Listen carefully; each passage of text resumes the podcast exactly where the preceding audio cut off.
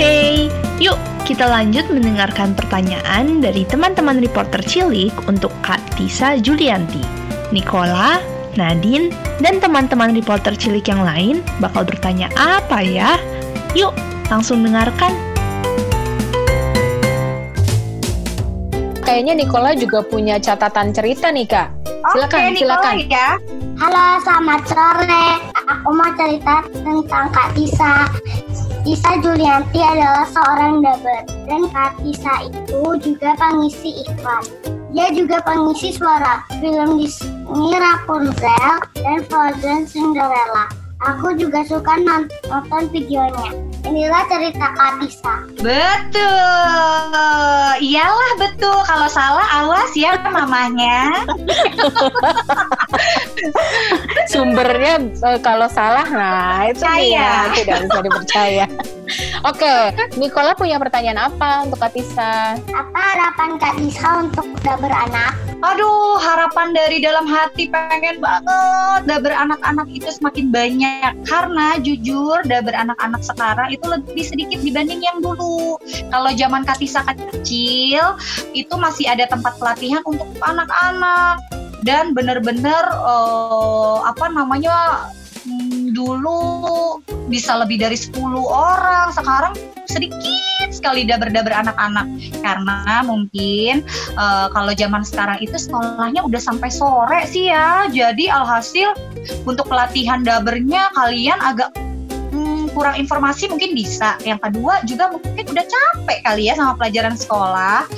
Makanya Kak Tisa pengen banget doain ya membuka pelatihan buat anak-anak supaya penerus-penerus aku jadi ada.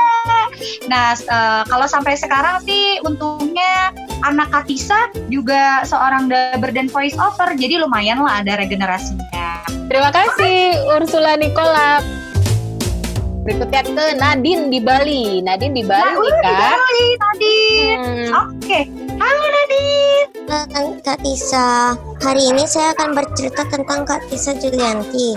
Tisa Julianti adalah da- daber Indonesia, lulusan Universitas Mustopo. Kak Tisa Julianti memulai karir, karir sebagai dapur pada tahun 1993. Berikut adalah beberapa kartun dan animasi yang pernah diisi suara.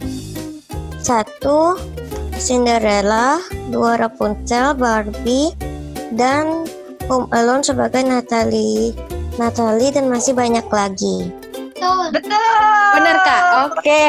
Betul. Sampai tahu kuliahnya Kak Tisa. Aku aja nggak tahu. Karena Kak Mustopo mau tahu ya. Terima kasih Nadine. Yang mau ditanyakan apa? Kapan Kak Tisa menyadari bakat Kak Tisa sebagai pengisi suara? Baru sadar ketika udah masuk tanggal prativi berarti 8 tahun.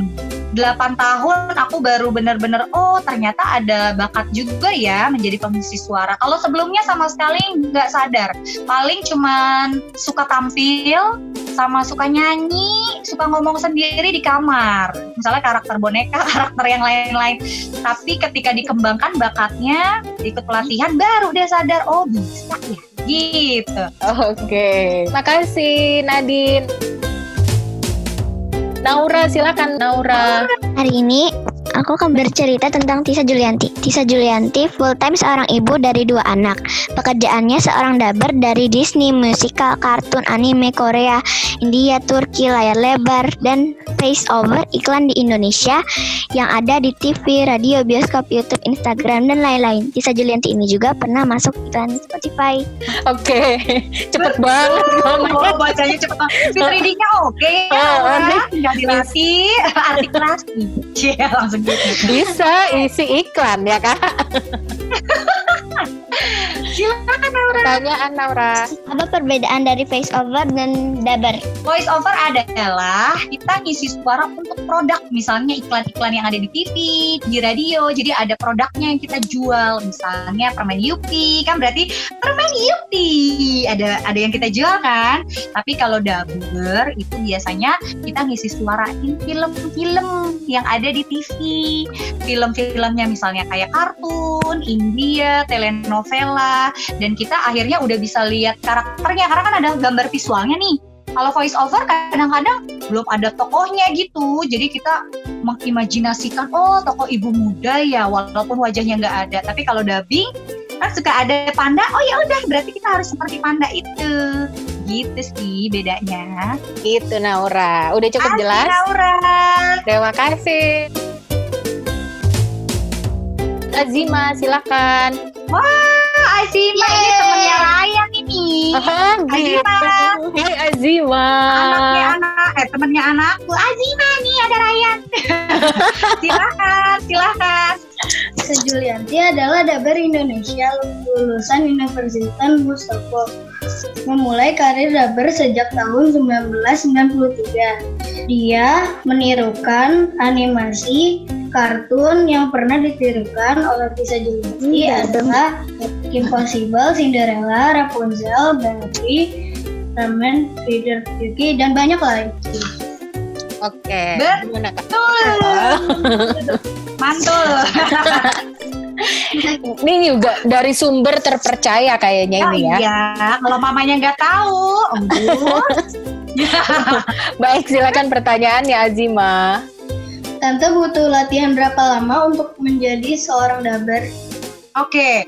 Hmm, sebenarnya sampai sekarang Kak Tisa tetap berlatih menjadi seorang daber. Bayangin dari umur 93 tetap latihan loh sampai sekarang karena kalau nggak latihan satu hari aja nggak baca buku misalnya di suara ini kan kalau mau jadi daber itu tiap hari harus berlatih baca buku atau baca puisi harus bersuara supaya powernya tetap terjaga terus artikulasi eh, cara pembaca membacanya itu jelas.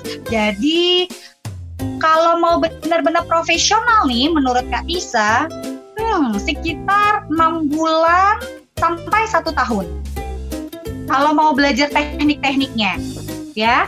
Itu pun kalau bisa seminggu sekali lah harus ada ikut pelatihan kalau bisa ya. Terus jadi kan dimentorin tuh sama guru kalau dulu aku seminggu dua kali di Pratiti jadi tahu bisa emosinya kurang bagus Eh, terus bacanya nggak jelas nah itu semua nanti dibener-benerin sama gurunya insya Allah dalam satu tahun udah bisa paham naskah udah bisa emosi dan udah bisa langsung terjun ke dunia dubbing kalau Azima mau oke Oke. Terima kasih Azima. Ada Farah Kak sekarang yang mau Farah. nanya. Silakan Farah. Eh, sepertinya aku kenal wajah ini. Baiklah, kalau begitu. Aduh, kangen banget sama ibunya kalau ini. Ada Farah, halo, Assalamualaikum. Tante, Silahkan. Tisa Julianti adalah seorang daber. Dia memulai karirnya sejak kelas 3 SD. Tante Tisa kelahiran 20 28 Juli ini memiliki bakat luar biasa. Sering mengisi film-film sebagai karakter utama. Contohnya film Cinderella, eh, film Disney sebagai Cinderella, film Tangled sebagai Rapunzel, dan di film Disney lagi sebagai Tiana. Tante Tisa memiliki dua anak. Sekarang anak-anaknya sudah mulai mengikuti jejak Tante Tisa. Dan Tante Tisa juga rajin belajar parenting. Oh baiklah, ini cocok sekali menjadi reporter. Karena udah ada masukan mungkin dari ibunya, ya. Cocok sekali. Berarti benar tuh tadi ya. Ini juga dapat benar semuanya. nomor satu. Silakan pertanyaannya Oke. Farah. Dari informasinya ibu, kan suaminya penulis naskah. Ada keuntungannya nggak untuk profesi Katisa? Oh, tentu saja Farah. Oke, keuntungannya adalah satu kerjaannya makin banyak loh, enggak ya? Jadi keuntungannya adalah eh, bisa saling mengisi dalam arti misalnya Katisa ada kurangnya, misalnya kurang dalam eh, membaca satu naskah nih, itu dapat masukan dari eh, Om Agus, misalnya kata Om Agus, ini kurang nih marahnya, ini kurang nih sedihnya, gitu. Terus kalau Kak Tisa misalnya bacain naskahnya dari Kak Agus, ini kayaknya kalimatnya ada yang kurang, ada har- harus ditambah. Nah, jadi kan berarti kita saling kompak, saling kasih masukan dan juga saran, saling menasehati, asal jangan baper. Eh, baper nggak tahu ya, bawa perasaan. jadi Jadi kalau cemberut kalau dikasih tahu Ah, ah. Jadi kalau bisa memang kalau misalnya teman-teman di sini atau Farah yang mau menjadi seorang daber mau nggak mau nanti cari teman atau gurunya yang memang eh, satu visi misi misalnya benar-benar suka dunia dubbing, suka dunia da pengen jadi dubber, nah itu lebih enak tuh dibandingkan sama temen yang memang nggak tahu sama sekali tentang dubber kan bingung ya. Para nanti juga tanyanya, eh kamu tahu nggak pengisi suaranya Doraemon? Hah? Om-om ya? Enggak, padahal nenek-nenek loh. Gitu ya. Terima kasih para. Terima kasih Tante Tisa.